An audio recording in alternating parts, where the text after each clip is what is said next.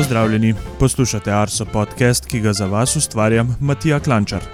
V današnji 91. epizodi Arso podcasta bomo v osrednji temi govorili o žledu in o tem, kakšna je bila letošnja jesen.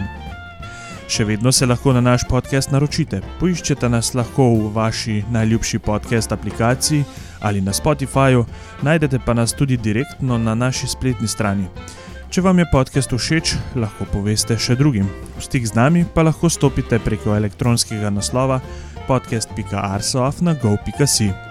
Seveda smo prisotni tudi na družbenih omrežjih, kjer z veseljem delimo vaše slike, storije ali se z vami pogovarjamo o vremenu. Na Twitterju smo Meteosi, na Facebooku in Instagramu pa nas najdete pod imenom Arso Vreme. Osrednja tema. Minuli teden smo v vremenski napovedi prvič opozarjali pred žledom in poledico.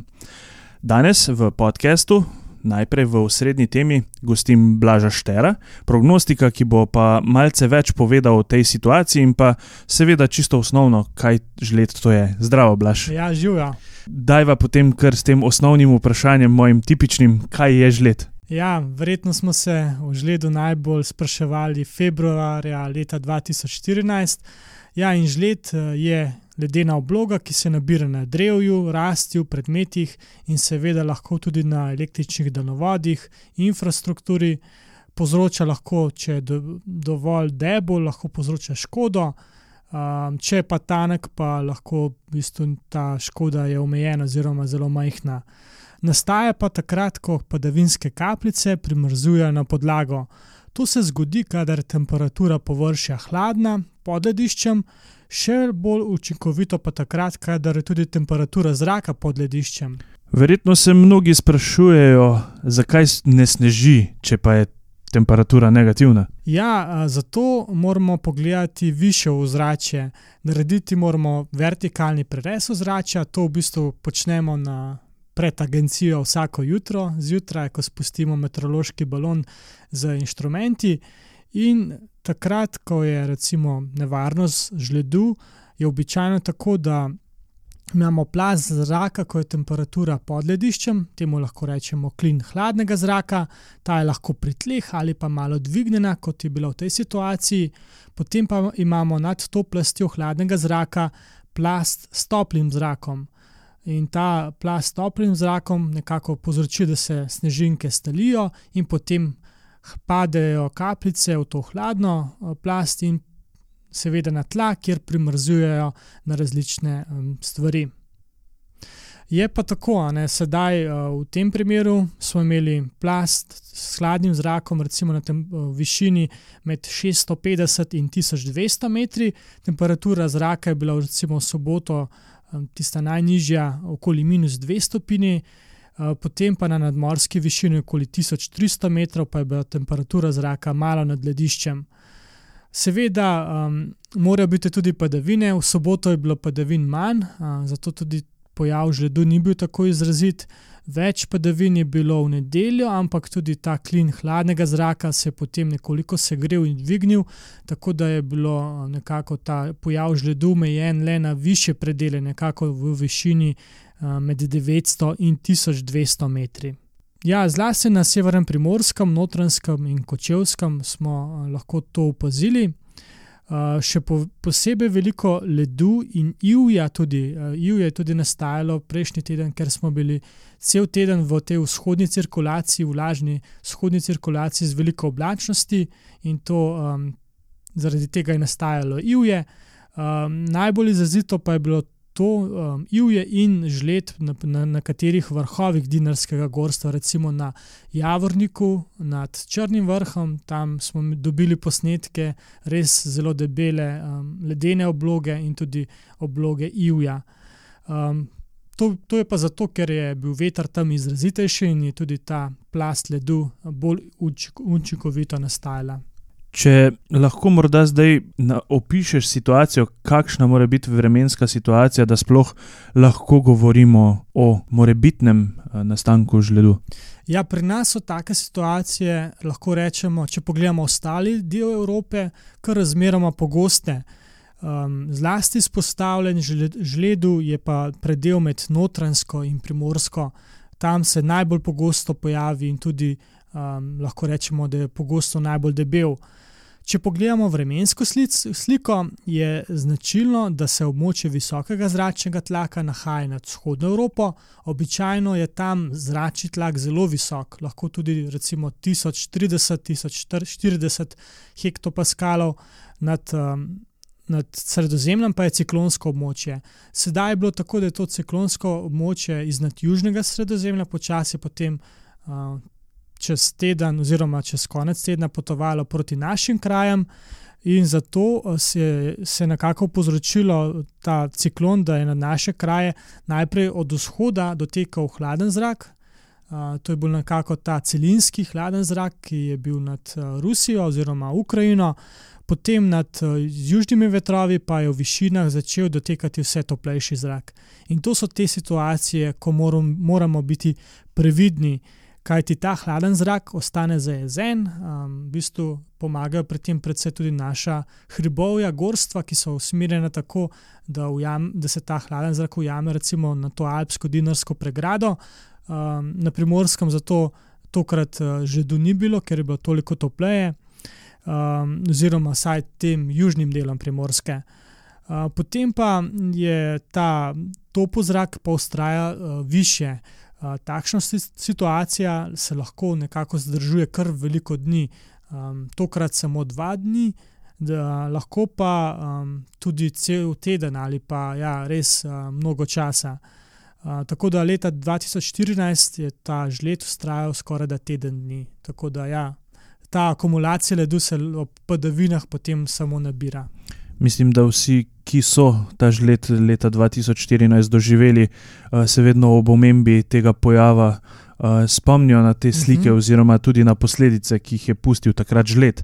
To je, to je res in to nekako je tudi, ko omenjamo v napovedi besedico žled, se vedno nekako vsi sprašujejo, ali se bo ponovil takratni dogodek. Dal si že dobro istočnico eh, za naslednje vprašanje, kako pa je sploh z napovedmi žledu? A je to ena takšna enostavnejša ali mogoče malce bolj zahtevna stvar za napovedovanje? Ja, v bistvu je to še precej teže kot recimo pri sneženju, kajti imamo več plasti z različno, zelo različno temperaturo, tako da je ta napoved težavna. Uh, pogosto se zgodi, da modeli nekako uh, um, podcenjujejo um, ta hladen zrak pri tleh in običajno nekako ta topo zrak, ki prihaja od juga, hitreje izpodrine ta hladen zrak. Vemo pa, da se običajno to uh, teže zgodi. Tako da so takšne situacije precej zagonetne no, za meteorologe, obenem pa tudi po tej, um, um, po tej izraziti ujmi, ki nas je prizadela februarja leta 2014 um, so nekako tudi uh, prebivalci Slovenije veliko bolj pozorni na to besedico žled, čeprav ne, tih, takšen, takšen žled je res izjemno redek in uh, sploh na tako velikem območju in tako uh, velike debeline. Tako da uh, ja, je precej izzivov. Če omenim še tole, um, običajno takrat, ko imamo tako situacijo, tudi veliko padavin, kajti smo nekako v območju fronte in ta fronta stacionira nad našimi kraji, tako da um, je to nekako še en dejavnik, ki potem vpliva, da se nabere lahko zelo veliko ledu. Če se ne motim, je takrat ponekod na notranskem padlo tudi več kot 100 mm padavin, uh -huh. uh, ki je potem primrzoval in je v bistvu res delal uh, ja. izjemne slike. Um, lahko primerjaš mogoče takratni dogodek s tem iz ja, minulega mislim, vikenda? Da, da, da, da ga ne moremo. Um, sicer je bilo nekaj centimetrov ledu tudi na območju, predvsem uh, više gora, ne, na območju okoli 1000 metrov, ampak uh, v resnici pa ne moremo primerjati, kajti takrat je žled prizadel praktično skoraj vso Slovenijo, izjemoma le primorsko, ne pa morda na severovzhodu, da ni bilo toliko žledu. Uh, takrat je pa recimo bilo tudi um, bistveno hladneje pri tleh, tako da je tudi pri tleh zmrzovalo, recimo v plasti um, nad okoli 900-1000 metrov je bila temperatura zraka okoli minus 5 stopinj, uh, tako da je bilo res to učinkovito nastajanje ledu. Lahko pa rečemo, da je sedaj recimo padlo le 10 do 30 litrov držav na kvadratni meter, kar je pa recimo več kot trikrat, petkrat manj, kot je pa takrat tega, teh padavin bilo. Tako da ja, um, ne moremo primerjati povsem te dve situaciji. Blaž, najlepša hvala za tvoj čas, pa za tale zanimiv, zanimivo razlago pojma, takšnega, ki se ga morda tudi malce bojimo. Um, upam, no, da nam bo tudi narava pripomogla, da, da se ne bodo ponovile tiste zgodbe iz že večkrat danes omenjenega leta 2014. Ja, upam, ja. srečno. Vstopili smo v nov meteorološki letni čas. Vseeno pa bomo pogledali, kakšni so bili zadnji trije meseci klimatološko. Z mano v studiu je Anže Medved, ki nam bo na kratko povzel, kakšna je bila letošnja jesen. Zdravo, Anže. Zdravo. Torej, Anže, lahko za začetek opišeš, kakšen je bil časovni potek temperature v letošnji jeseni? Ja, letošnjo jesen smo začeli s povsem povprečnimi do rahlo nadpovprečnimi temperaturami. Na to je pa pred pad izrazitim padavinskim dogodkom sledil dotok izrazito toplega in vlažnega zraka, tako da smo beležili nadpovprečne temperature. Ob izrazitem padavinskem dogodku, seveda ob višku padavin in večinoma oblačnem vremenu, smo beležili povsem podpovprečne temperature, ki so do konca septembra potem prišle povsem nazaj do normale. No, to smo v oktobru beležili večji del oktobra, v prvi polovici povsem poprečne temperature, in spet v drugi polovici oktobra, pa ob anticiklonu in ob dotoku zelo izrazito toplega zraka iznad Afrike, izrazito nadpovprečne temperature, vse tja do 1. 2. novembra, ko smo imeli tako imenovano babje poletje. Na to je sledila kratka ohladitev s povsem poprečnimi temperaturami, na to nekaj dni še nadpovprečnih temperatur in v drugi polovici novembra potem povsem poprečne temperature. Kam pa lahko temperaturno umestimo letošnjo jesen? Bila je nadpovprečno topla, odklon od referenčnega obdobja znaša okoli 1,8 stopinj Celzija. Uh, to je uvršča med šest najtoplejših jeseni od leta 1961, najtoplejša do sedaj je bila leta 2014 z odklonom 2,1 stopinje Celzija, najhladnejša pa na drugem koncu leta 1972 z odklonom minus 1,9 stopinje Celzija. Prostorsko smo v letošnji jeseni največje odklone beležili v osrednjem delu države in pa v Beli krajini kjer so znašali odkloni med 1,8 in 2,2 stopinje Celzija, najmanj pa na skrajnem severovzhodu. Je mogoče kateri mesec še posebej izstopal? E, seveda, najbolj odstopal je oktober, ko smo beležili nadpoprečne temperature, in letošnji oktober je bil tudi najtoplejši v zgodovini naših meritev. Odklon v oktobru je znašal kar 3,3 stopinje Celzija. Tudi v novembru smo imeli nadpoprečne temperature z odklonom okoli 2 stopinje Celzija, september pa je bil povsem povprečen mesec, kar se tiče temperatur. Smo pa tudi o teh uh, ekstremnih temperaturah konec meseca oktobra in pa začetek meseca novembra poročali tako v našem podkastu, kot na naših družbenih omrežjih. Če greva sedaj temperature postiva za sabo, pa pogledajva, kaj je bilo, kaj s padavinami. Kazalnik padavin na, v letošnji jeseni na ravni celotne države je bil rahlo nadpovprečen, vendar je to zelo odvisno od posameznih območij po Sloveniji. Največ je bilo namo, najbolj namočeno je bilo območje od nekje v pasu od Idrijsko-Crkljanskega hribovja do notranjosti Slovenije in pa v jugovzhodni, eh, jugovzhodnem delu države, v okolici Osilnice, kjer smo tudi septembra beležili poplave. Na tem območju je padlo okoli 160 do 180 odstotkov padavin, glede na referenčno obdobje. Manjko padavin pa smo izmerili na severu države, to se pravi v Prekmurju v delu Koroške, v severnem delu Gorenske, tudi delu Goriške regije in pa v slovenski Istri, kjer je približno padlo od 65 do 75 odstotkov padavin. Kako pa so bile te padavine razporejene po posameznih mesecih? Mislim si, da je verjetno najbolj izstopal september. Tako je, september je prinesel največ padavin, to je bil izredno namočen mesec, ko smo beležili tudi poplave. Eh, imeli smo močne nalive takrat, kakšen dan je tudi na kateri postaji padlo od 100 do 200 mm padavin, kar je v bistvu povprečna količina padavin za ta mesec. Na to je izrazito namočenemu septembru sledil sušen mesec oktober, eh, in pa manjko padavin smo beležili tudi v novembru, seveda z izjemo jugovzhodne Slovenije. Verjetno vse naše poslušalce zanima tudi, kaj pa kaj s snegom. Verjetno ga je največ v Visokogorju, v nižinah ga letos še nismo kaj preveč beležili. Tako je, v Visokogorju je trenutno še kar veliko snega, ampak tega smo že beležili v, ob koncu septembra. Na to je pa sledil zelo topel oktober in takrat se je tudi v Visokogorju snežna odeja stalila.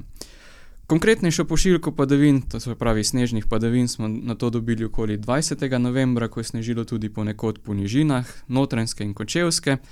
Uh, če lahko omenim eno, kdaj je padlo največ snega, to je padlo iz 22. na 23. november, seveda na Kredarici, kjer je v enem dnevu zapadlo kar 45 cm novega snega. In istega dne smo na tej postaji izmerili tudi najvišjo višino snežne odeje v letošnji jeseni in sicer 62 cm. Anže, hvala lepa za ta strnjen in uh, povzetek klimatoloških značilnosti um, jeseni letošnje. Uh, pa verjamem, da se slišiva pa potem po koncu zime, kaj nam bo prinesla. Če boš povabil, seveda. Obeti. Kakšno bo vreme v prihodnjih dneh, je pripravil Brane Gregorčič. Izračuni vremenskih računskih modelov nam do sobote obetajo razmeroma toplo vreme. V noči na nedeljo pa se začne dotok hladnejšega zraka, kar bi ob padavinah v nedeljo do povdne lahko pomenilo tudi sneženje po nižinah. Ukolikor bo snežna odeja obležala, bomo v začetku prihodnega tedna, ko se bo delno razjasnilo, V notranjosti Slovenije ob jutrih beležili temperature med minus 5 in minus 10, v mraziščih lahko tudi minus 15 stopinj. Kjer ne bo snežne odeje, pa seveda ne bo tako mrzlo. Lahko povemo še to, da se v letošnji zimski sezoni živo srebro po nižinah marsikje še ni spustilo pod ničlo, tako da bo pričakovana ohladitev nekaj povsem normalnega za ta čas. Vremenske zanimivosti. Vstopili smo v nov letni čas in v zadnji mesec letošnjega koledarskega leta. Poglejmo, s kakšnimi ekstremi nas je razveseljeval mesec november. Najvišjo temperaturo smo izmerili na prvi dan meseca novembra. Posod po državi je bilo zelo toplo, najtopleje pa na postaji Dobliče pri Črnomlju, kjer se je živo srebro povzpelo do rekordnih 26,2 stopinji Celzija. Najnižja temperatura je bila izmerjena 27. novembra na Zelenici, kjer se je temperatura spustila do minus 10,3 stopinje Celzija. Najhitrejši sunek vetra smo izmerili zadnji novembrski dan v Podnanosu, kjer je pihalo s hitrostjo 123,3 km/h. Največ padavin v enem dnevu je padlo 5. novembra v Breginju v zgornjem posočju, izmerili smo 85 mm padavin. Najbolj sončna postaja v celem mesecu je postala postaja Kanin. Sonce je sijalo 109 ur in 50 minut. Največ sonca v enem dnevu pa je zbrala postaja na Slavniku, sonce je sijalo 9 ur in 8 minut. Z vremenskimi zanimivostmi smo končali že 91. epizodo Arso podcasta. Želim vam veliko lepega vremena in se slišimo čez 14 dni.